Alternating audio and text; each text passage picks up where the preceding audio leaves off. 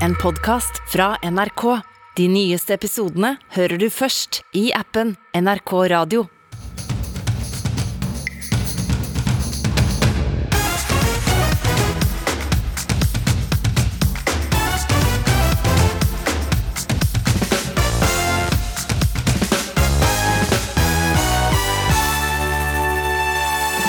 Kommer det til å bli atomkrig i Norge? Eller kommer det til å bli atomkrig i Ukraina? Mange barn er redde nå.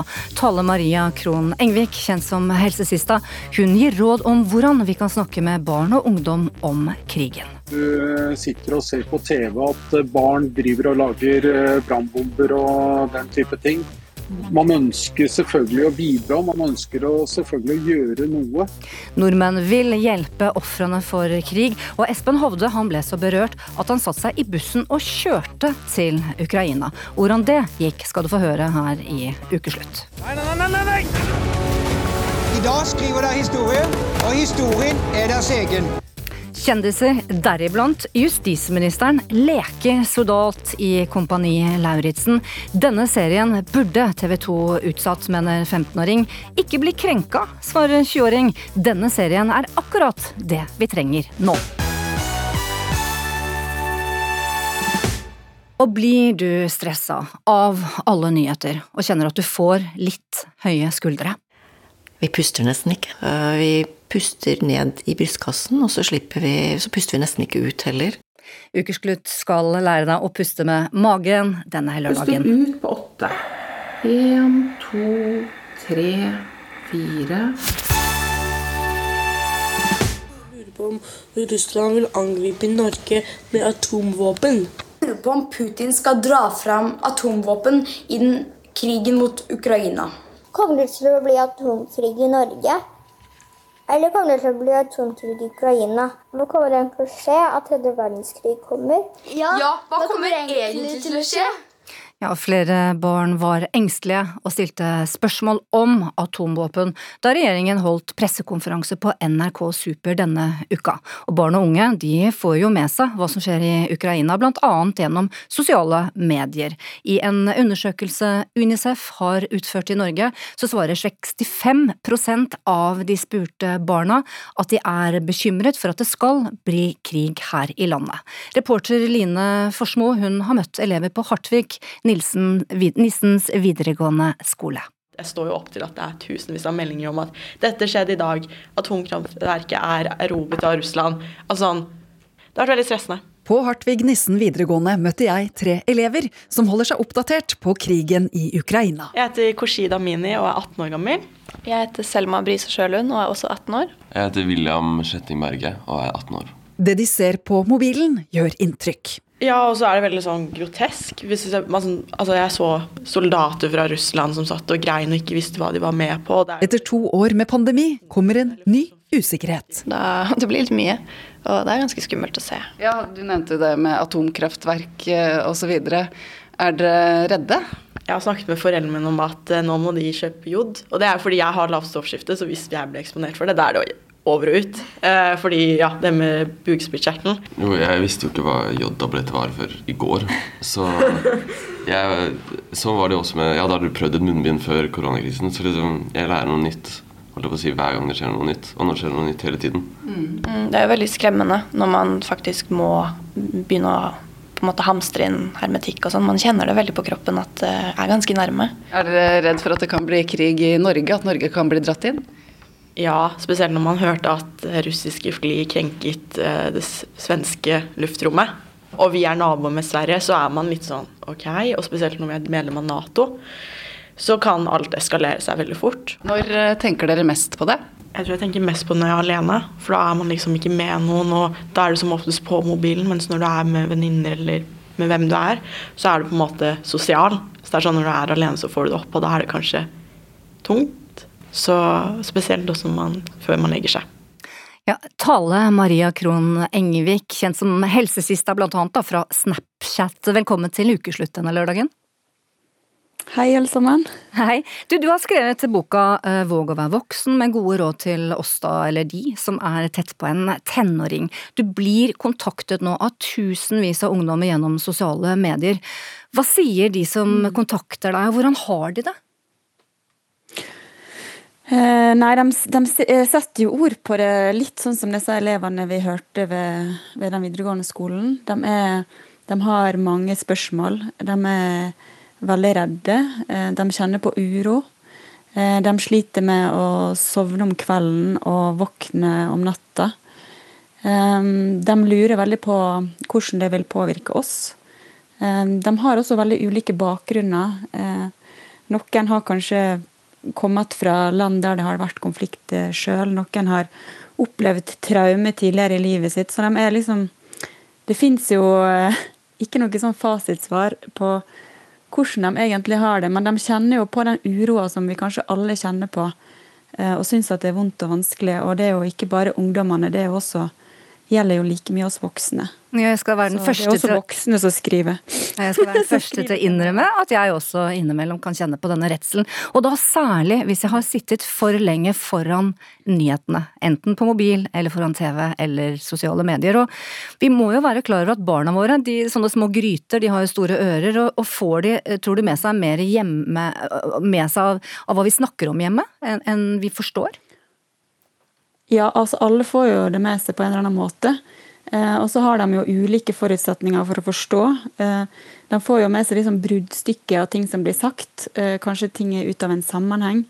Og det er veldig lett å bli sittende og bare se på nyheter eller lese nyheter. Eller sitter, de sitter og scroller på TikToken sin, og så kommer det opp masse filmer og ting som man som ikke nødvendigvis har med den krigen her å gjøre også. Så de blir jo utsatt for veldig mange inntrykk.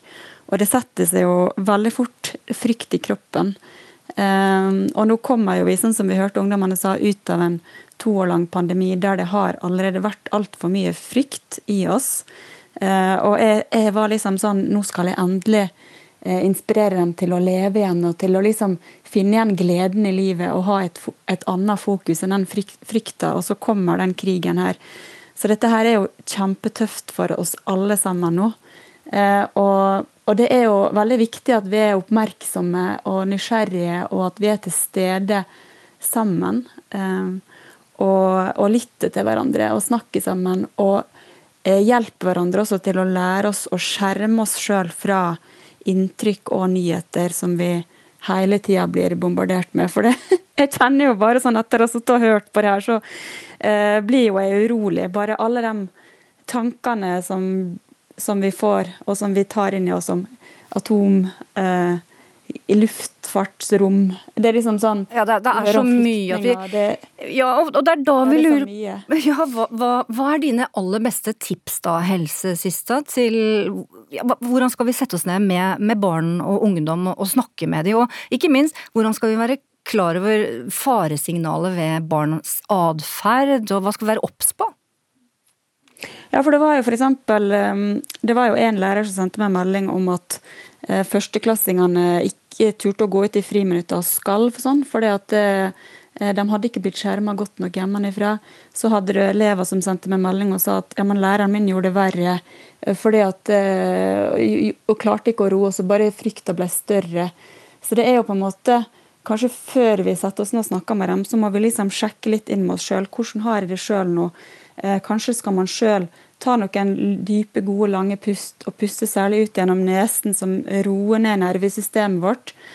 Um, sånn at vi selv, For det som er viktig nå, det er at vi voksne tar ansvar og lager trygghet rundt oss.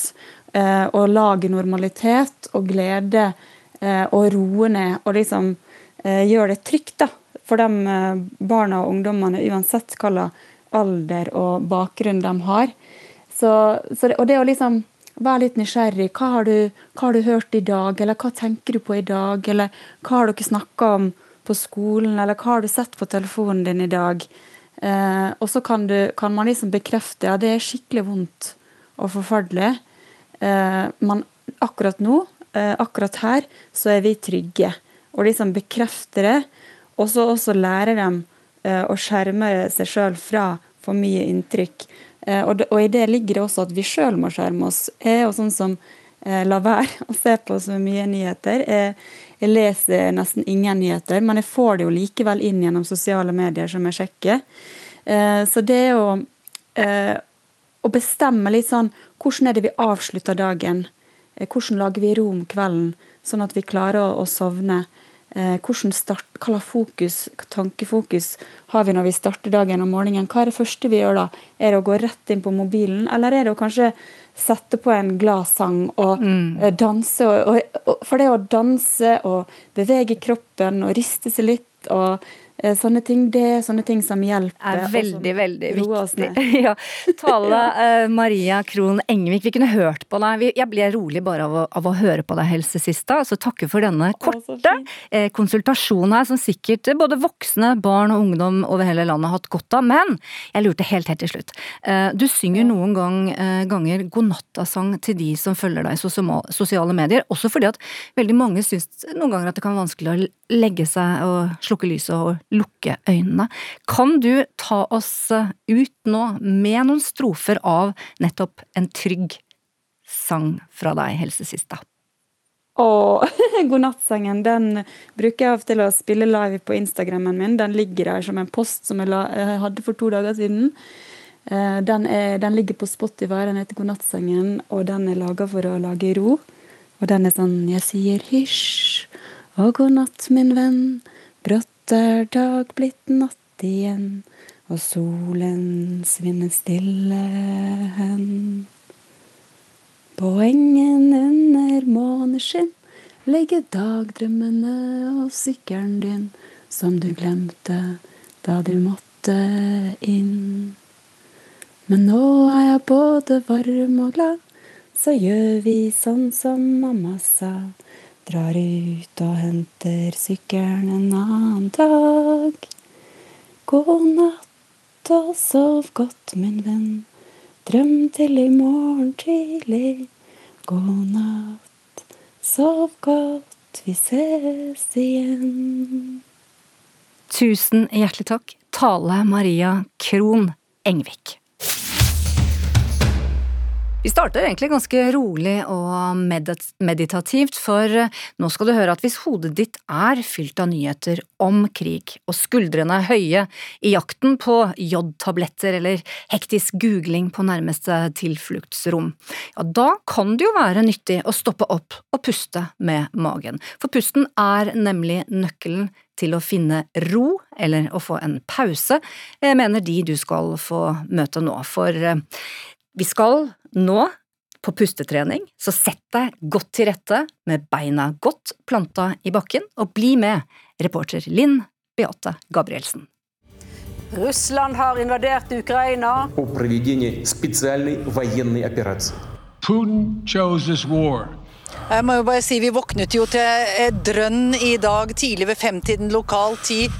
Kjenner du skuldrene heise seg, og uroen og stresset sette seg i kroppen?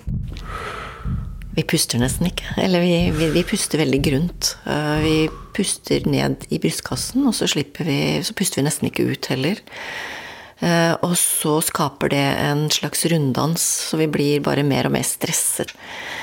Så det bare det å stoppe opp kanskje ett minutt eller to noen ganger om dagen og trekke pusten godt helt ned i magen, det tror jeg er kjempeviktig. Eller det vet jeg er veldig, veldig viktig. Mm. Tina Helen Reklev skal hjelpe deg og meg med nettopp det å puste. Pusten også skaper en bevissthet i forhold til det å være her og nå. Og det er det vi mennesker trenger, spesielt i det samfunnet vi lever i nå. Så trenger vi å være her i øyeblikket. Og det kan vi få hjelp til ved pust. Å bruke pusten mer bevisst. Sammen med Marianne Pedersen driver hun Holotropisk Pust Norge DA. Så med en gang vi har fulgt altså skikkelig monkey mind, at det virkelig snurrer rundt i toppen. Bare det å la oppmerksomheten da gå til pusten, og legge merke til pusten, så gjør du noe med hele deg. Er du klar for å ta noen beroligende pust? Ja, da vil jeg be deg sette deg godt til rette på stolen. Kjenne at du er rett i ryggen, at du har støtte i ryggstøen og på setet, og at du har føttene i gulvet. Du kan lukke øynene hvis du ønsker det. Eller du kan ha de åpne og feste de på et punkt, sånn at du føler deg trygg der du er. Så når du er klar, så kan du trekke pusten inn på én, to, tre, fire. Holde pusten. Én, to, tre, fire, fem, seks, syv. Puster ut på åtte.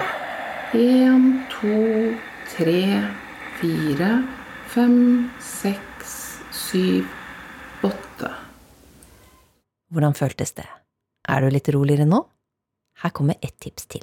En måte å, å puste på er å bringe lys inn i systemet, akkurat som du imaginært ser for deg at når du puster inn, så puster du inn lys ovenfra og ned gjennom kronen din, og fyller hele kroppen når du puster inn. Helt ut i alle cellene, i fingertupper og i tær. Og når du da puster ut, at du da slipper det du ikke trenger. At du da kjenner at du på en måte slipper stress og tanker og Og det kan man sitte og gjøre noen ganger i løpet av dagen. La oss ta det en gang til. Trekker du pusten inn igjen på fire. Du kan telle selv. Følge din egen pust og telle sånn som det passer deg. Holder i syv. Er slipper du ut på åtte. Teller til åtte på innsiden, sånn som det er riktig for deg. Det er, det er kanskje ikke riktig å si det her høyt, da, men det er også nydelig påskevær her på Østlandet denne lørdagen. Og i Holmenkollen så er det denne helga skifest. Og for en fest det har blitt. Eh, programleder i NRK Sport, Andreas Hagen, du er med oss fra Kollen.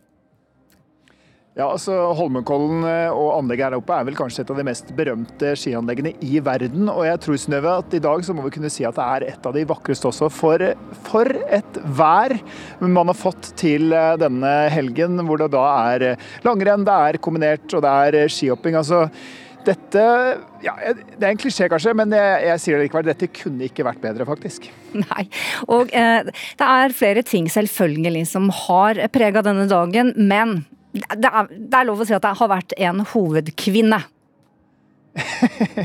ja, det er helt riktig. Jeg har jo stort sett holdt meg nede ved hoppbakken, hvor det har vært en kvalifisering for, for kvinnene. Men jeg har jo hørt da, og fått med meg jubelen for Therese Johaug, som jo har gått sitt aller, aller siste renn i Holmenkollen. Kanskje en av de største og beste skiløperne i, i historien, faktisk. Og de drev og øvde når Johaug skulle komme inn til mål, så, så prøvde spikerne å få med at de skulle rope Johaug, Johaug, og når hun kom i mål, så, så sto alle tilskuerne og hyllet henne, ropte navnet hennes, og det må jo ha vært en fantastisk og sikkert en ganske trist følelse for Johaug å gå i mål her. Som vinner, da, sånn som hun alltid gjør, for hun vinner jo stort sett alt hun stiller opp i. Så det blir, det blir et stort savn, det der.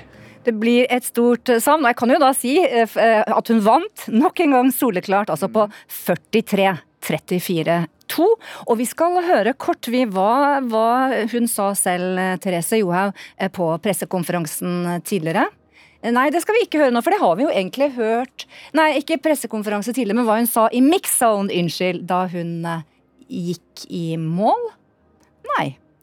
Nei. Og så er det en beskjed som er skrevet til henne på et par plakater der oppe fra de norske smørerne, som løper på hver sin side og hyller den store skistjernen som har 100 meter igjen. Går med begge norske flaggene i venstre hånd, holder seg for nesen og ansiktet. Dette er stort. Nå er det mye følelser i sving for Therese. Over den siste broa, inn med folkehavet på den store tribunen til venstre for seg.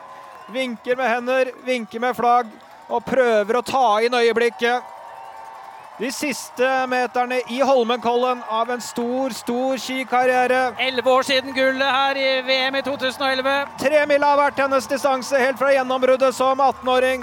Det første VM-gullet kom på tremil. Hun har vunnet her i Holmenkollen jevnt og trutt. Nå går hun i diagonalgang uten å bruke staver med to norske flagg foran et enormt publikum. Fem meter igjen. Ja, da stopper hun opp og snur seg. Bukker. Her kommer hun seg i mål i det hele tatt. Hun gjør det, men hun gjør det på et ypperlig vis. Tårene renner. Tårene renner. Dette er et mektig øyeblikk. Det gjør det for oss òg. Ja, det gjør det for oss òg. Jeg beklager forvirringen her, men det er jo en hektisk eh, dag, dette. Eh, pressekonferansen har hun selvfølgelig ikke holdt ennå. Du, hvilke andre eh, synlige tegn er det eh, i Kollen i dag? For det er en litt spesiell stemning der oppe? Det er det absolutt, Synnøve. Jeg har bare lyst til å si det at Helt siden vi kom til Lillehammer, da, for vi følger jo hoppturneringen Rå Air, og der har hopperne begynt på Lillehammer. og Det startet med at det var en del russiske utøvere som kom dit for å være med på verdenscupkonkurransene. Så viser det seg at de eh, fikk jo ikke lov til det. De er jo lagkompiser av eh, de hopperne som er her, så det var jo veldig rart og veldig vanskelig at de plutselig måtte eh, si, evakuere landet, for det var jo det de måtte. Eh, men så har det jo da etter hvert eh, vært en voldsom, og det har det jo vært for så vidt hele tiden, en voldsom støtte til Ukraina, hvor utøverne går rundt rundt med bånd på armen. I går når jeg gikk hjem herfra etter eh, mikskonkurransen i hopp i går, så var eh, Kollen den var eh, farget i blått og gult. Og jeg står nå og ser utover Kollenanlegget og på hovedsponsorene på, på stadionet her, så er altså de sponsormerkene preget i gult og blått. Så det er en det er spesielle dager også i idretten, men den, den går allikevel videre. Men dette preger jo også utøverne som, som er med her. Ja, Da sier jeg takk så langt til deg, Andreas Hagen, for at du var med oss og ga oss denne rapporten fra Holmenkollen. Norge gir altså to milliarder kroner til humanitær bistand til Ukraina etter Russlands angrep. Og tidligere denne uka så sa kronprins Haakon Magnus dette da han møtte representanter for norske hjelpeorganisasjoner. Ja, Vi kan jo gjøre en god del ting. Selvfølgelig kan vi støtte disse humanitære organisasjonene som gjør, både har veldig høy kompetanse på uh, denne type hjelpearbeid. I tillegg til det så tenker jeg at uh, det er viktig for oss nordmenn både å ta vare på hverandre, det er mange som er urolige nå, og at vi bevarer denne humaniteten vår. At både ukrainske og, og russiske mennesker skal føle seg trygge i Norge.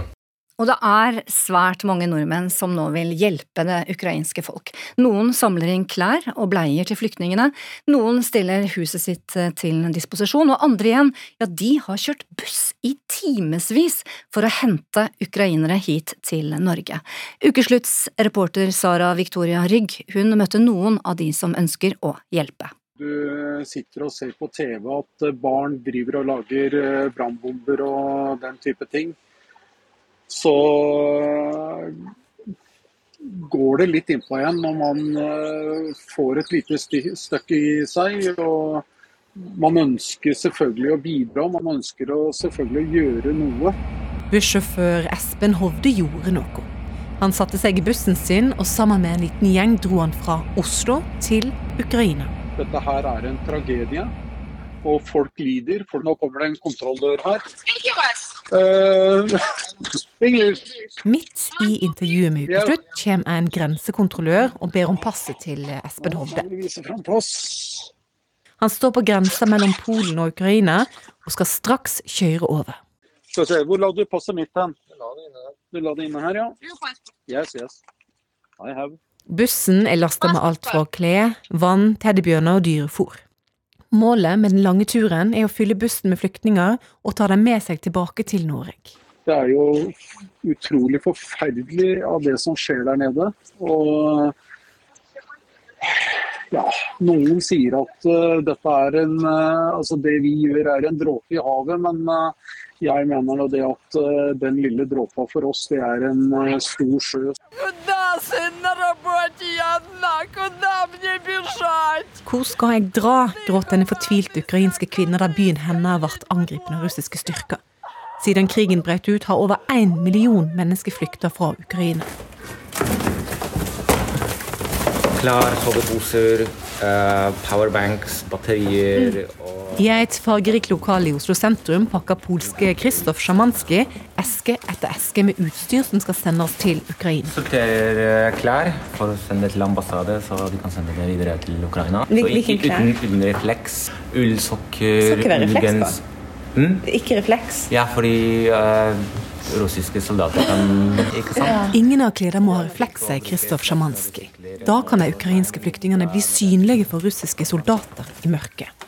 Tenk på kan du bruke det i krigen. Bare tenk om deg selv. Mm. At uh, andre land kommer og dreper deg. Mm. Er, det, er det dette OK for å bruke? Vi må bare fortsette å jobbe og hjelpe så mye vi kan. Ukrainske Mariana Mahedinjuk tror ikke Putin hadde sett for seg den store givergleden og omsorgen så mange nå viser for mennesker som er på flukt fra Ukraina. Hun har arbeidet i Norge i tre år. Familien bor like utenfor Kyiv, og hun forteller at de sitter i kjelleren, som fungerer som et slags bomberom, sammen med fire hunder og fem katter. Det er mye, mye bedre å gjøre noe og hjelpe. Og keep yourself busy på en måte, for det, det hjelper veldig, veldig mye. å ikke, ikke gjøre ikke være gal. Det er så mange som ønsker å hjelpe Ukraina på flukt nå, at flere hjelpeorganisasjoner ber folk slutte å sende ting til Ukraina. Vår klare anbefaling er å gi penger. Det sier Tiril Skarstein i Flyktninghjelpen. Hun forteller at det er svært krevende for hjelpeorganisasjonene som arbeider i kaoset på grensa til Ukraina, å få sortert og delt ut det folk har sendt. Mye blir bare kasta. De som vet aller best eh, hva de trenger og hva de har behov for der og da, det er de menneskene som selv er drevet på flukt.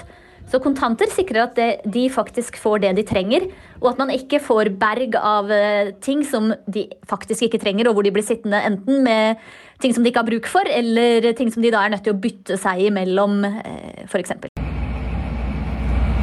Medan noen kjører buss i timevis med teddybjørner og dyremat i lasten, samler andre inn penger og bleier. Men noen går enda lenger. Flere nordmenn har nå sagt at de ønsker å delta i krigen mot Russland. Ifølge den ukrainske ambassaden i Norge har flere nordmenn tatt kontakt med dem og sagt at de ønsker å reise til Ukraina for å krige mot Russland. Dette er et uh, alvorstungt øyeblikk i Europas historie vi er vitne til nå. Statsminister Jonas Gahr Støre har bedt nordmenn tenke seg grundig om før de drar til Ukraina for å kjempe. Og han får støtte fra Palle Ytstebø som jobber ved krigsskolen. Du skal være ekstremt klar over hva du gjør. Og du skal være klar over at sannsynligheten for å komme levende ifra det er ikke nødvendigvis spesielt stor. Kristoff Sjamanski pakker varme sko og tjukke jakker uten refleks i en brun eske. Han frykter at krigen blir lang, og at folk etter hvert vil tenke på helt andre ting enn å hjelpe. Jeg vet at det er masse som skjer i verden, og om en måned det, det vil fortsatt bli krig og fortsatt bli liksom, folk som trenger hjelp. Jeg vet at kanskje om to uker det, mange vil snakke om Kanye Wests nye kjæreste. Men det viktigste er å tenke på folk. Mariana Mehedinjuk minner oss om at vel så viktig som å sende en pose med klær, litt penger eller kanskje noen pakker med bleier til flyktningene nå, er å ta godt imot dem når flyktningene kommer til Norge. Jeg tror det er kjempeviktig å integrere folk så, så mye som mulig, som hjelper med språk. Ja, det viktigste er å bare være vennlig og si velkommen. Så, ja. Flyktninger på vei over grensa. Fullstendig kaos. Vi er tilbake i bussen til bussjåfør Espen Hovde, som nå har kommet seg over grensa og inn i Ukraina. Noen av disse her har stått her dager, dagevis. Vi får folk som kommer og spør om de kan få sitte på. Det er, det er helt det er, det er trist. Hovde filmer små snutter fra turen som han deler på sin Facebook-side. De har nå fått delt ut alt de hadde med seg i bussen, både vann, kosedyr og hundemat. Og han forteller at de har fylt opp bussen med flyktninger de skal kjøre tilbake til Norge. Vi har uh, fått med oss uh, 29 gjester om bord. Her er vi alle sammen, og vi er uh, glade og fornøyde. Dette her er faktisk utrolig bra. Utrolig rørende. Jeg har ikke ord. Dette blir bare bra. Takk, alle sammen. Og nå, mine damer og herrer, det norske folk, det fins bare én Therese Johaug. Som vi vet så ble ringen sluttet i dag i Holmenkollen. Hun har altså sagt at hun har gått sin, sitt siste renn for landslaget på hjemmebane i Kollen, og nå har vi fått dette innslaget her direkte fra pressekonferansen noen minutter tidligere. Det var jo fantastisk. Altså det å gå opp mot Frognersetra i det folkehavet som var oppå der Det var Jeg kunne ikke få en bedre avslutning på karrieren min. Jeg har sett at det har vært masse tårer. Hva som har vært det sterkeste øyeblikket? Det er jo mye sterke øyeblikk, men Jeg blir jo rørt når jeg ser at det er så mange som tar turen opp hit og ser på det siste løpet mitt. Så jeg må jo takke det norske folket for at det faktisk klarer å liksom, stå her det gjør i dag, da. Uh, ja, etter utestengelsen i de to åra så har jeg kommet tilbake og tatt ni av ni gull på distanse. Og det er kanskje det som jeg kjenner på nå, da, at jeg føler at jeg er komplett. Og kjenner at uh, det er på tide å takke for seg. Det var derfor du la ut en melding i går, så folk skulle komme seg opp i Kollen i dag? ja, jeg følte det norske folk uh, kunne i hvert fall få muligheten til å komme og se på siste løpet mitt. Du, hvordan har den ringerunden vært til folk som skulle få visst det her litt uh, før? Ja, den, for å si det sånn, etter jeg kom til OL, så har det vært mye tårer, og jeg har vært usikker på om det her er det rette. Um, og Therese her og nå kjenner jo at det, det her er helt feil. Jeg elsker jo å trene og elsker å konkurrere. Men jeg vet at Therese om ti år jeg er veldig fornøyd med den avgjørelsen her med å gi seg på topp. Og um, det er andre ting i livet enn langrenn, og jeg kjenner på en måte at uh, ett eller to VM-gull til gjør ikke meg noe lykkeligere. Så um, jeg føler at tida er inne for å prioritere andre ting i livet. En tydelig rørt Therese Johaug der for en stund siden. Du, i morgen så feirer Vasaloppet 100 år, og en av de rundt 16 000 eh, som skal stille til start, det er Maren Trebler fra Asker. I det 90 km lange skirennet så skal hun gå på skiene til avdøde Vibeke Skofterud. De samme skiene som Skofterud gikk på da hun for ti år siden vant selveste Vasaloppet.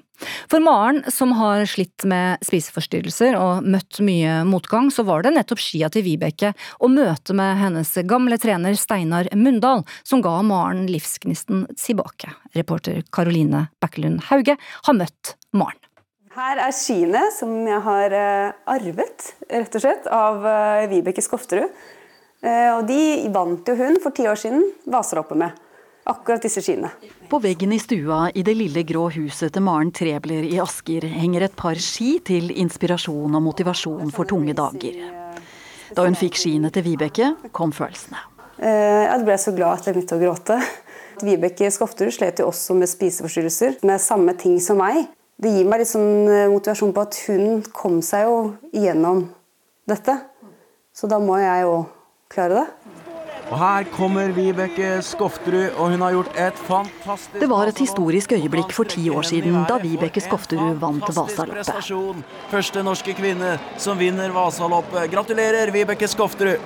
Å, fy faen. Jeg... Nei, det var, det var gøy. Lite visste langrennsstjerna, som sleit med spiseforstyrrelser, at hun skulle få stor betydning for ei jente fra Asker ti år seinere. Sånn, og så tar ei ski bak. Du har den bra hestene. Ja, jeg vet det, fordi da var det mer oppover. Kan gå bak meg, Ja. Et par gule ski og ei skigruppe er det som etter hvert skal få lyset tilbake i livet til Maren. Jenta som fikk spiseforstyrrelser 14 år gammel. Samme sykdom som skistjerna hadde.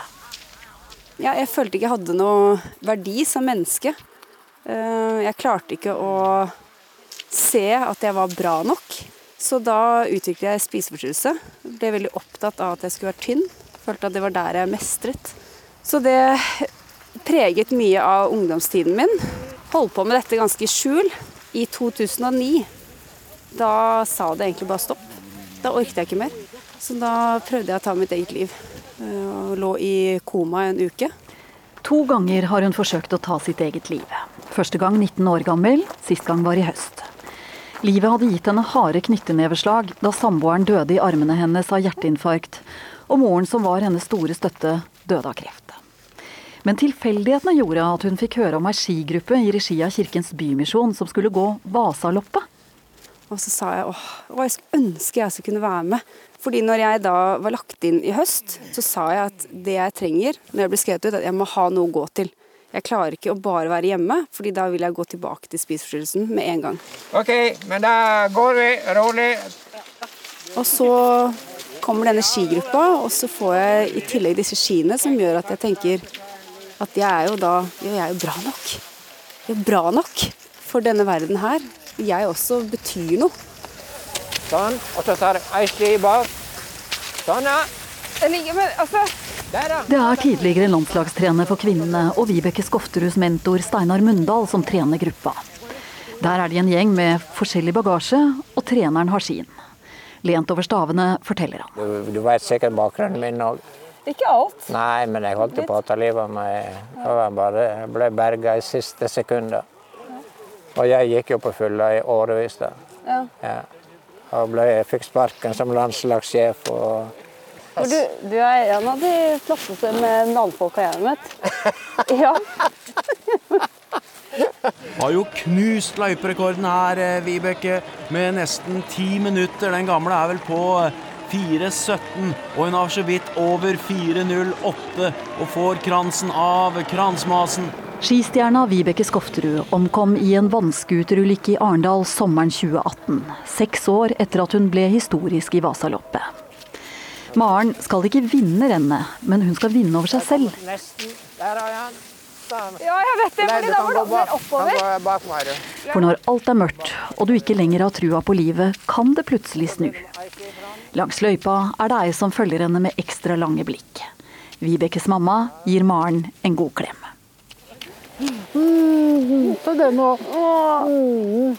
Jeg sa det til de i stad, at uh, Vibeke er, blitt min, er min skytsengel når vi går Vasaloppet. Det er det. Din òg. Hun sitter på skuldra vår. Ja, gjør det. ja. Rundt og rundt på en skistadion i skogen staker de seg frem, Maren og de nye langrennskompisene.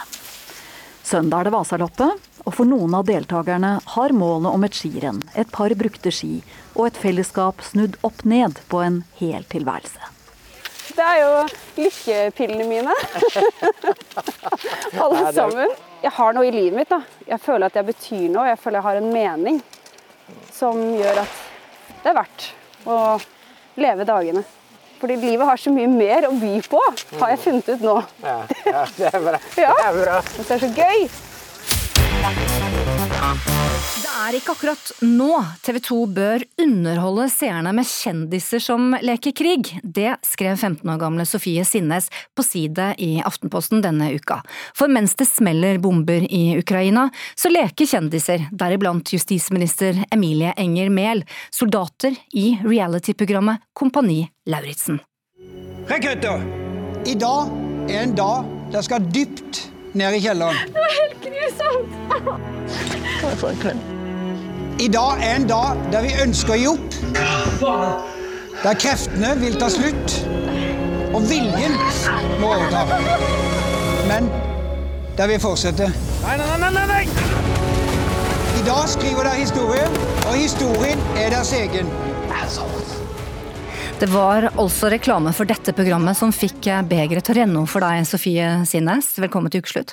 Tusen takk. Du er 15 år, styremedlem i Grønn Ungdom i Oslo, og så skrev du da et innlegg i Aftenposten. Hva var det som gjorde at du reagerte så sterkt? Eh, Det var for meg så eh, rant begeret over da jeg krysset ankomsthallen på Oslo S. Der var det to skjermer synlige. Den ene var, eh, viste folkeskjære kjendiser i militæruniform eh, som lekte soldater med et smil om munnen. Den andre viste ukrainske soldater i fullt beredskap. Eh, I mine øyne så syns jeg at TV 2 burde utsatt premieren av Kompani Lauritzen til situasjonen i Ukraina har roet seg litt. Og det er rett og slett av grunnleggende respekt overfor alle overfor den utrolig sårbare situasjonen så, som så veldig mange europeere står overfor akkurat nå. Du blir rett og slett sint? Ja, jeg syns det er provoserende. Mm. Ukraina trenger støtte i militær og humanitær form. Ikke ungdommer som blir krenka på andres vegne. Det skrev du til svar i Aftenposten. Mats Flåtten, velkommen til ukeslutt. Du er 20 år, eh, også eh, samfunnsengasjert politiker, nærmere bestemt fylkesleder i Vestfold og Telemark eh, Unge Høyre. Hva mener du med krenket her, egentlig? Altså, for det første syns jeg det er veldig bra at Grønn Ungdom kaster seg på debatten om uh, Ukraina, men uh, jeg syns på en måte at det er en litt rar prioritering. Uh, fordi at når man debatterer den konflikten her, så mener jeg at det eneste fokuset grunnleggende skal være hvordan man kan hjelpe ukrainere.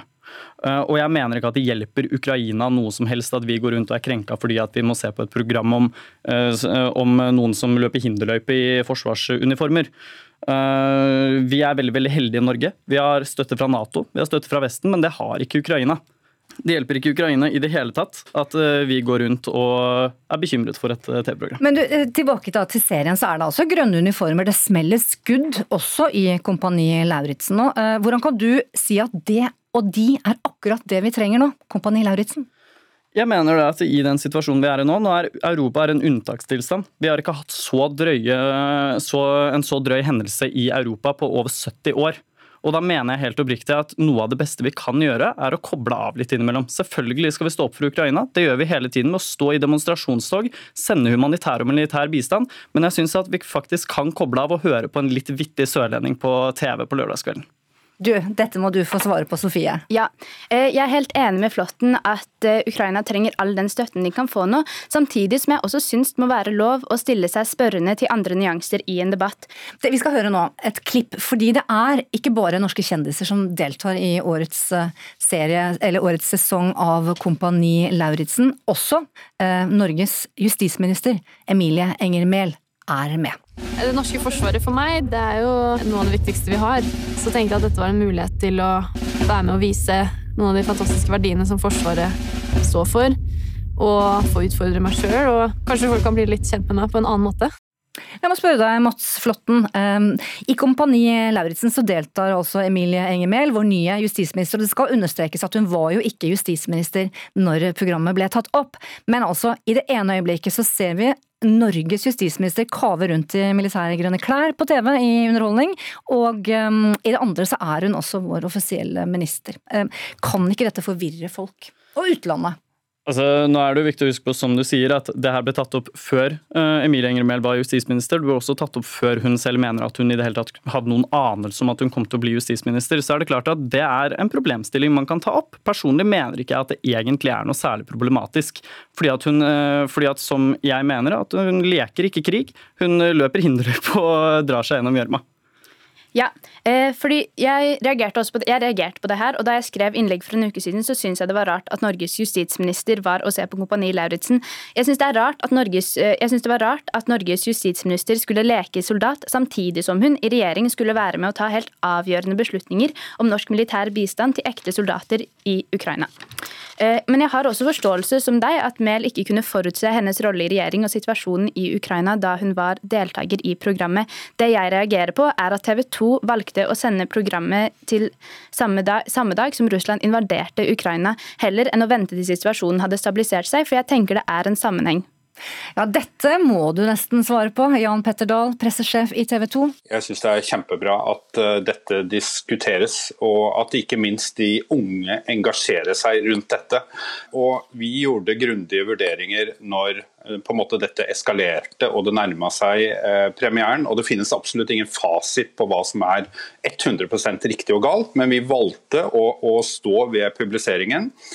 Det vi gjorde derimot, var jo å samme dag som krigen brøt ut, så skulle vi hatt en premierefest i, i, Oslo. Den valgte vi å tone helt ned. Uh, ingen ekstern presse ble invitert. Det var ingen rød løper, ingen champagneglass uh, på bilder og den type ting. Uh, og så valgte vi, og så så vi med en gang at enkelte annonser, spesielt i redaksjonelle saker, var uheldige. og vi valgte derfor å tone det kraftig ned. Hvorfor kunne dere ikke vente? Nei, altså vi ønska å, å, å, på en måte stå i den publiseringen. Og, og vi oppfatter også at folk eh, trenger den type underholdning i en tid som vi er inne i nå. Eh, og Det viser vel i etterkant også litt av eh, seertallene. Nå er det altså over 1,2 millioner eh, som har sett den første episoden fra Kompani Lauritzen. Eh, og det sier jo litt om at at folk eh, kanskje trenger også å samles rundt underholdning i en tid som den vi er inne i akkurat nå. Er du fornøyd med svarene du får av TV 2 her, Sofie Finnes? Eh, jeg forstår problemstillingen TV 2 belyser. Men jeg tenker at eh, dette handler om menneskets trygghet og integritet, eh, og at vi i Norge skal underholde oss med et militært underholdningsprogram eh, samtidig som det foregår en militær krise i Europa. Da syns jeg kanskje at man kan velge å se på et annet program og sende noe annet. Fordi ja. Kommer du til å se på? Nei. I kveld? Nei, Nei. det gjør jeg ikke. Hva med deg? Jeg må høre fra deg også. eh, Hva tenker du eh, om det TV 2 svarte Mats Flåtten? Jeg regner vel med at du skal se på Kompani Lauritzen i Jeg skal se på kveld? Kompani Lauritzen, ja. Eh, nei, altså Om TV 2 har lyst til å holde den premierefesten lukket, så er det helt opp til dem. Personlig mener jeg egentlig at det er en dårlig idé. Eh, rett og slett fordi at når det ikke er en sammenheng imellom Kompani Lauritzen og krigen i Ukraina, eh, men man allikevel gjør den premieren anonym, så viser man jo omverdenen at man selv mener at det er en sammenheng. Noen kommentarer til det, Jan Petter Dahl, pressesjef i TV 2? jeg tror på en slik dag hvor krigen bryter ut, eh, så er det eh, umusikalsk for mange at man eh, arrangerer en stor fest. Takk til dere. Sofie Sinne, styremedlem i Grønn Ungdom. Mats Flåtten, fylkesleder i Vestfold og Telemark Unge Høyre. Og deg, Jan Petter Dahl, pressesjef altså i TV 2. Kan man spøke med krig? Og hvor går i så fall grensene for humoren? Vår reporter Vidar Sem han har vært ute på gaten for å høre hva folk mener. Nei, jeg syns egentlig ikke det. Å lage humor av krigen. Hvorfor ikke? Nei, jeg syns det er såpass alvorlig at uh, man må ikke lage noe sånn ekstra ut av det. Humor er en måte, på en måte å overkomme vanskelige situasjoner. Så jeg føler at på en måte så er det jo greit å på en måte lage en situasjon for å på en måte se litt lysere på det og kanskje hjelpe de som sliter litt. Så kan være vi trenger litt humor nå. Det kan være vi trenger litt humor, ja. Det er eh, for alvorlig og for nært eh, akkurat nå. Ja, så er det spesielt kanskje nå når vi er mødre og vi vet at det er mange barn og, og kvinner og menn som har det tøft, så er det der fokuset ligger, da. Men man vet jo at man har gjort humor ut av svært dystre og forferdelige ting, så det, det er en balansegang der som er vanskelig. Det kan såre noen. Det kan kanskje hjelpe noen til å få et perspektiv på ting. Og nå bruker folk eh, humor og politisk satire for å holde ut krigen i Ukraina. På Twitter, TikTok, Instagram så deler unge fra hele verden såkalte memes, hvor man latterliggjør Putin. Eksempel hashtag VladiDaddy. Bortsett da fra i Russland hvor ytringsfriheten er kneblet og dette er forbudt. Roger Severin Bruland, velkommen til ukeslutt eh, denne lørdagen. Takk for det. Du er vår europakorrespondent, eh, nå direkte med oss også fra Lviv i Ukraina. Hvordan, Stemmer det? Ja, og hvordan oppleves dette, dette med humor og ukrainere? For er, er det sant at de også selv bruker humor som overlevelsesmekanisme nå? Her i Lviv er de jo veldig humoristiske i utgangspunktet. Jeg var jo her uka før krigen brøt ut. og Her er jo noe hysterisk morsomme barer her, der jeg bare har ledd og ledd og ledd. Der er en sånn eh, partisanbar der det står en fyr med maskinpistol og avkrever deg eh, passord, og kan ikke du passord, så blir du kasta på dør. De har en machochist, sånn machochistbar der um, du er nødt til å bli piska hvis du skal bli sluppet inn. Og Det er et sånt firma da, som er veldig kreative folk som driver liksom barer, eventer. Bryggeri driver de. og, og de har veldig masse humor, og det ser du overalt her. Jeg så jo også en kjempekul Lada her. eh, Litt sånn eh, inspirert av filmen 'Dum og dummere', med sånne med sånn gulvteppe. Eh, Ikledd et gulvteppe, sånn babusjka-gulvteppe. Så det her er folk med humor, og nå har det jo tatt helt av. Um, og eh, skal jeg banne på ukrainsk da, eh, på, på nasjonal TV, så, eh, radio, så blir det her Idina Hoi. Det var det som var sagt når det kom en sånn russisk krigsskip til en bitte liten holme ut i Svartehavet, Slangeia, som Ukraina kontrollerer. Så har de sagt liksom russerne nå må dere overgi dere. Så sier de Irina Hoi, liksom, dra til helvete.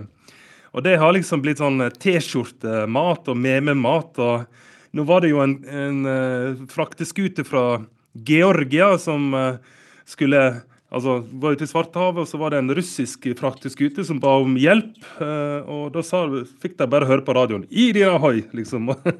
så det har liksom blitt eh, slagordet for denne her eh, krigen. Så, og det når du forteller morsomme historier til hverandre når vi, sitter, vi sitter jo i tilfluktsrom flere ganger for dag, for flyalarmen går, så er det jo kjempemulighet for å fortelle litt vitser for å løse opp stemninga for det er litt tung stemning når du sitter i tilfluktsrom og, og folk sitter og skuler på hverandre. og Det er jo egentlig ikke noe poeng, eh, for en må jo En kan ikke drive og tenke på det vonde og, og krig og, og, det at du kanskje kan dø hele tida. En må jo også prøve å, å bryte litt den der eh, klumpen i magen, da. Kan du helt til slutt, hvis man skulle satt ukrainsk humor inn i en sånn kontekst, da, hvordan vil du beskrive eh, ukrainerens humor? Jeg, jeg, skjønner selvfølgelig at den er svart, beksvart. Ja, eller Ja. Jeg har en annen historie, da. Når tilflukts... Ja, den er jo det nå, da. Men mm. det var, flyalarmen gikk, og vi var ute på gata, og så sprang vi bare inn i en sånn tilfeldig kjeller. Og det viste seg å være sånn House of Horrors, sånn skrekkabinett med sånn mannekenger med avrevne lemmer og kill og murder på veggen, og skrevet sånne leikeblod. og så spindelvev, sånn falsk spindelvev, og der sto det fullt av folk. og så sånn midt uh, i mørket der, da, det var ikke lys, så begynte de å spille Svanesjøen. Så, så, det er bare Jeg tror det er bare den eh, byen her. Eh, jeg tror det er kuleste byen noensinne har besøkt, altså før krigen. Og jeg håper det igjen får sjanse til å være kule når dette her en gang er over. Det får vi håpe. Og, og Pass på deg selv denne lørdagen, og takk for at du deltok, eh, Roger Severin Bruland. Noen syns kanskje det, dette var litt morbid, men hvis vi ser her hjemme nå, i samme, samme periode her, nå så har også både TV 2s Kompani Lauritzen, men også satirespydspissen Nytt på Nytt her på NRK, opplevd reaksjoner fra seerne de siste ukene. Ikke alle er enige i om det er lov å spøke med krigen i Ukraina, eller hvor denne magiske grensa skal gå. Nå er den her snart. Krigen i Ukraina. Et russisk angrep kan skje når som helst. Vi teller ned til invasjonen.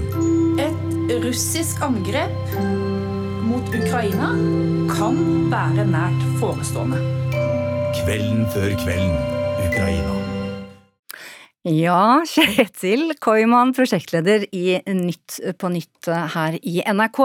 Krigen i Ukraina den utvikles jo stadig. Det må jo være vanskelig å jobbe med humor nå som konteksten liksom endres time for time. Til ditt forsvar, da. Ja, og, dette er jo et veldig godt eksempel på hvor raskt det endrer seg når, når, en krig bryter løs. Dette er et tre uker gammelt klipp som var en ganske god beskrivelse eh, for tre uker siden av hvordan vi ventet og ventet, og ingen, det var en sånn følelse av at ingen gjorde noe eh, for å stanse denne krigen. Og vi fikk vist fram Vladimir Putin på hans milelange bord, som minnet litt om grevinnen og hovmesteren, og har noen usynlige venner inni hodet sitt som han eh, inviterer på fest her, da. Og så er det eh, helt ubrukelig tre uker senere, fordi at eh, krigen er et faktum, og, og satiren treffer ikke på samme måten lenger. Og da gjør vi som, som du gjør, Synnøve. Vi, vi, lytter til Roger Severin Bruland på bakken i Ukraina og prøver å oppdatere oss nøye på situasjonen, sånn at satiren og humoren vår skal treffe best mulig til sånn som verden er nå. Men, men, hva tenker du selv, var dette litt drøyt? Altså, Fins det usynlige grenser som ikke må krysses? Altså, Man skal jo ha respekt for disse som jeg hørte ute på gaten, som syns, som syns det er vondt og vanskelig å le og, og, drive med humor i en så alvorlig verdenssituasjon. Eh, det må være lov uh, å synes det. Og så tenker jeg kanskje at den uh, magiske grensen som alle snakker om hele tiden, kanskje ikke egentlig fins. At det er nyttigere for oss å tenke på begrunnelsene for at vi har ytringsfrihet, istedenfor begrensningene som folk veldig ofte ser etter. Da. Mm. Og hensikten med ytringsfriheten er jo at vi skal få lov til å Eh, teste ideene våre og eh, komme med satiriske poenger og kommentere på det som skjer rundt oss, for å oppdatere det mentale bildet vi har i hodet vårt, eh, alle sammen, om hvordan verden ser ut. Og så er det individuelle bilder. Vi er forskjellige. Vi har forskjellig syn på hva som er en klokkerein vits, og hva som er, som du sier, da, over grensen. Det vil være ulikt. Sofie Sinnes syns det er usmakelig å sende Kompani Lauritzen nå. Eh, mens eh, eh, han fra Unge Høyre syns at det kan man, man, ser at det programmet handler om noe annet. Mm. La oss gå til sendingen i går kveld. Vi har et kutt herfra. Men jeg, må vi, må vi, jeg syns ikke vi hadde trengt å sende våpen. kan vi ikke, altså det er masse vi kan gjøre for å vise støtte til Ukraina. F.eks. Eh, vi kunne ha gått ut på balkongen og klappet, sånn som vi gjorde for sykepleierne. De ble veldig motivert av det. Hvorfor er denne sayingen her, denne vitsen her fra, fra Pernille Sørensen innafor? Ja, og det, her er det jo rom for tolkning, da. Eh, det, på den ene siden så er dette en, en eh, god beskrivelse, en parodi på oss som nå er litt redde for at vi har sendt våpen til Ukraina, og hva kan skje, er vi involvert i krigen? Eh, og på den andre siden så kan det ses på som en kritikk til at vi gjør for lite. Vi står og mm. klapper på balkongen her borte i et hjørne, trygt hjørne av Europa, mens ukrainerne må, må slåss for seg sjøl. Mm. og, og, og, begge deler er det, som Roger Severin uh, sier fra, fra Ukraina, da, at man bruker humor for å holde ut den angsten og den frykten som vi alle kjenner på, den redselen eh, når det er krig i Europa. Den kan da eh, få et uttrykk som Pernille Sørensen eh, viser her, som er mm. både morsomt Merker du det hos eh, gjengen din, at de, de produserer mer nå? Du, de er altså, det er jo et fenomen at når enten det er en verdensomspennende pandemi, som vi nettopp har vært igjennom, eller en europeisk krig, så, så blusser det opp en gerilja av humorister på internett som tar tak i alt som skjer, og lager noe morsomt ut av det. Og det er egentlig et uttrykk for frihet, syns jeg. Og sunt med konkurranse, Koiman! Veldig. Men du, hvor, hvor viktig har humoren vært da for menneskeheten, tenker du sånn historisk, i krisetider som dette? Ja, det, det er jo i disse dager så er det jo veldig lett å tenke på Charlie Chaplin som lager Diktatoren. Eh, en liksom snytt ut av nesa på Adolf Hitler, helt lik, og danse med denne jordkloden som han vil erobre og eie og diktere over. Og Det lagde Chaplin i 1940, når den amerikanske presidenten hadde bestemt at de skulle stå på utsiden av krigen og bare hjelpe europeerne med våpen mot Hitler. Eh, så eh, at humor er relevant, er det vanskelig å komme utenom. Mm. Tusen takk, Kjetil Kormo, for at du kom hit eh, til Ukeslutt og ga oss denne hva skal vi si, leksjonen om blant annet eh, galgenhumor. Takk for at jeg fikk komme. Men nå skal vi altså inn i en buss som er på vei til Norge. Du hørte fra han litt tidligere i sendinga, da han var en av mange som ville hjelpe. Espen Hovde fra Oslo klarte ikke å la det være med tanken. Han, via hjelp av venner, så klarte han altså å skaffe utstyr og en buss, og kjørte altså mot grensa til Polen, inn i Ukraina, og har fått med seg flyktninger hjem til Norge. Hvor er du akkurat nå, Espen Hovde, og bussen din? Nå kjører vi over Svinesundbrua eh, på vei inn til Norge og tollstedet Norge. Der eh, vi skal ha en enkel kontroll Kjører faktisk over brua akkurat i dette øyeblikk. Eh, jeg står midt i bussen med alle, alle de som da skal inn til Norge. Eh, ja. Det er ganske liv her, og folk er kjempehappy. Det er utrolig glede å se den gleden eh, og det smilet de har. De tar bilde. De, de skjønner nå at de er i Norge. Nå er vi Nå er vi i Norway! Norway! Ja, herlig. Jeg blir helt litt rørt der jeg sitter, Espen. Altså, Du er en av mange da som bare så bildene på, på TV og tenkte at du, du, var, du, var, liksom aldri i tvil. Du tenkte at nå må jeg bare kaste meg rundt, og nå har du gjort det. Hva vil du si til folk som, som sitter og, og, føler kanskje litt på maktesløshet og, og vil gjøre noe? Eh, før jeg går inn på det, så vil jeg si at eh, jeg vil takke Tommy Skjervis, som egentlig er initiativtaker til denne turen. Og broren hans og ikke minst sønnen hans, som har vært med på turen. Eh, jeg vil takke Tono Lettel Linne, som har bidratt med klær. Det er skal vi se, da lurer jeg på om linja vår rett og slett forsvant i hva skal vi si, gledesrusen eh, over alt som skjer når en buss med Det siste vi hørte fra dem, så var det altså over 29 flyktninger som da var klart å komme seg inn i trygghet i denne bussen til Espen Hovda. De har kjørt via Polen da gjennom Europa og tilbake til Norge, og ankommer i dette sekund. Så vi sier welcome to Norway, så håper vi at dere får, får det trygt her hos oss framover. Det har blitt eh, jakta på krystallkuletrofé i Kvitfjell, hvor worldcup i alpint altså pågår denne helgen i glimt av sol og minus fem minusgrader. Og Kjetil Jansrud fra Vinstra han debuterte i verdenscupen i Wengen i januar 2003. Kjørte sitt siste renn i dag i alpint, altså på Kvitfjell, med en eh, ja, det snakkes om 10 000 publikummere på plass altså, for å få med seg dette. Og vi kan jo høre hva denne eh, helten da, som har vunnet gull i OL og VM, og blir stående som en av de store norske i vår alpinhistorie, hva han sa tidligere i dag. Forbereder meg på helga som en del vanlig renn, egentlig. Føler det er, det er riktig å avslutte karrieren sånn som man begynner, og det er egentlig full gass og full innsats når man har startnummer på brystet og flagget i panna. og Det ville jeg ikke gjort på noen annen måte. og det, Om man kjører bra eller dårlig, det, liksom, det kan variere fra dag til dag. Kjetil Jansrud har vært i alpinsirkuset i mer enn 20 år. Han starta karrieren i 2001-2002, allerede som 16-åring, da han deltok i Europacupen. Han debuterte på internasjonalt seniornivå i 2003 i Wengen, og var med i verdenscupsesongen 2004-2005. Han var også med i den norske troppen til VM i 2005, og resten er historie. Med ett gull, to sølv og to bronse fra OL, ett gull og to sølv fra VM og fem NM-gull i tillegg til et tjuetalls verdenscupseiere. Hva er det din dag, Kjetil, hvis du treffer bra på toppen her? Han er bare 1600 deler bak! Vi kjører for gullet i super-G i Sotsji! Kom igjen! Han er 200 deler bak! Det blir et rotterace mot Mody Miller! Jeg tror det går! Jeg tror det går! Det går! Han er foran med over halvt sekund! Etter kneskaden i desember har han kjørt bare ett renn, i OL. Verdenscuphelga i Kvitfjell blir den siste. Men Kjetil Jansrud sier den siste treninga før dagens renn var som vanlig.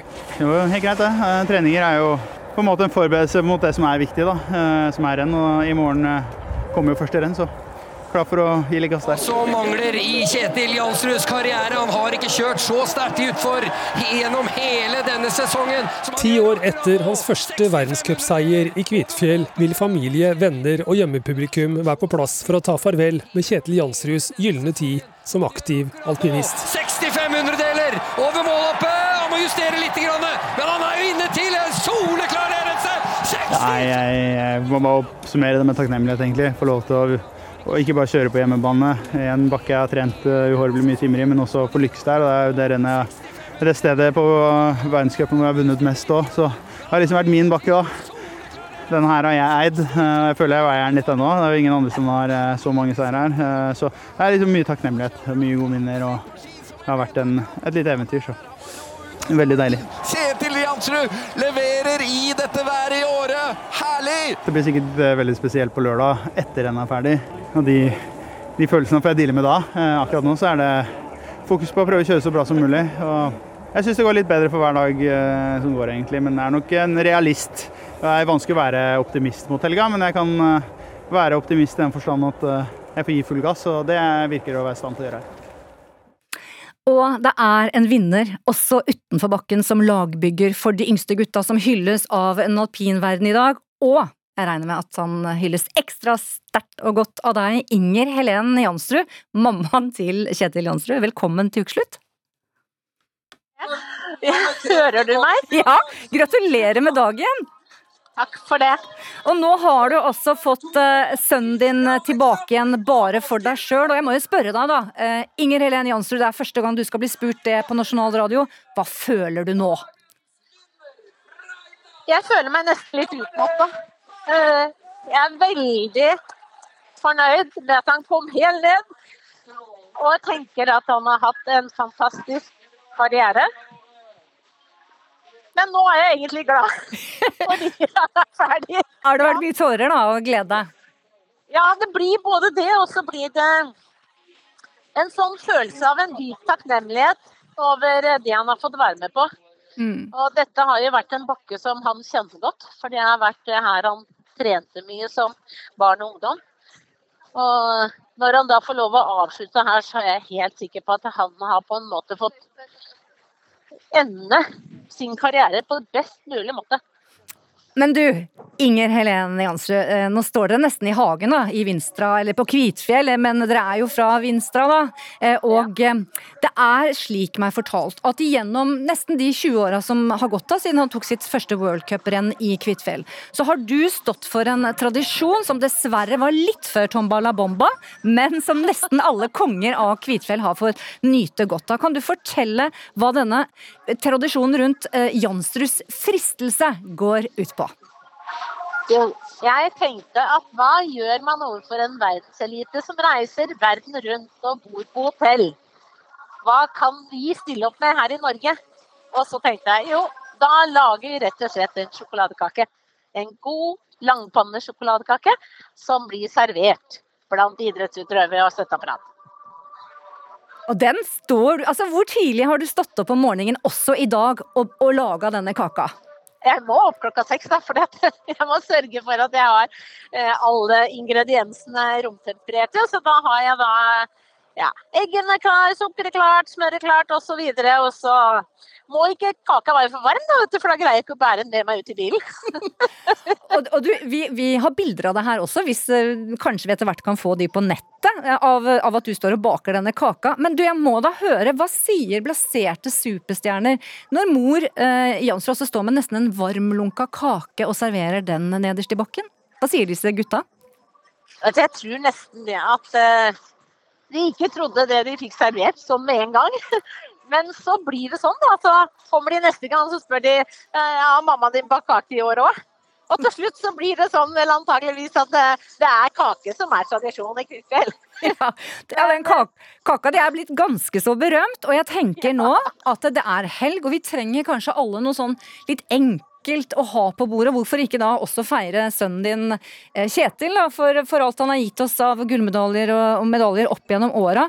Kan du nå avsløre om det er noe hemmelig ingrediens i Jansus fristelse, og, og gi oss oppskriften? Du, det er ikke noe hemmelig. Det er en god sjokoladekake basert på de standardoppskriftene som nok er i mange tusen hjem. Det er eggedosis av egg og sukker. Og så er det melk og smelta smør. Oppi der er det litt kakao og litt vaniljesukker og litt uh, bakepulver.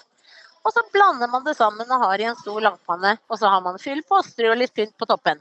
Så det er altså helt sikre, ikke noe hemmelighetskremmerier. Godt gammeldags håndverk som har vært i mange tusen hjem i Norge opp gjennom årene. Bak enhver sterk og stolt og flott mann, så står det ofte en enda sterkere kvinne. Og denne kvinnen, Inger Helene Jansrud, hun har også et varmt og godt og bankende hjerte. Og jeg følte jeg kunne lese egentlig ganske mye mellom linjene, for vi kan alle bake en kake og gi til noen mm, ja, ukjente, eller noen som kan bli våre nye venner. Ja. Så tusen, tusen takk, Inger Helen, for at du tok deg tida. Og så bare gjør oppmerksomhet på da her at det, det For hvis ikke kunne du jo kanskje blitt kalt for uh, og tatt for doping. Men altså, denne kaka har alltid blitt servert etter rennet. Og ikke ja. til konkurrentene før Kjetil ja. skulle utfor, for da hadde nok spandeksdrakta sprukket. Ja, det vil jeg tro. Nei da. Vi må sørge for at det går ordentlig for seg. Det skal være skikkelig, vet du. Etter regelverket. Gi godgutten en stor klem, da, og nyt både sønn og barnebarn, og kanskje kommer flere i framtida også. Kos dere! Ja, det håper jeg. Tusen takk. Du har hørt en podkast fra NRK. De nyeste episodene og alle radiokanalene hører du i appen NRK Radio.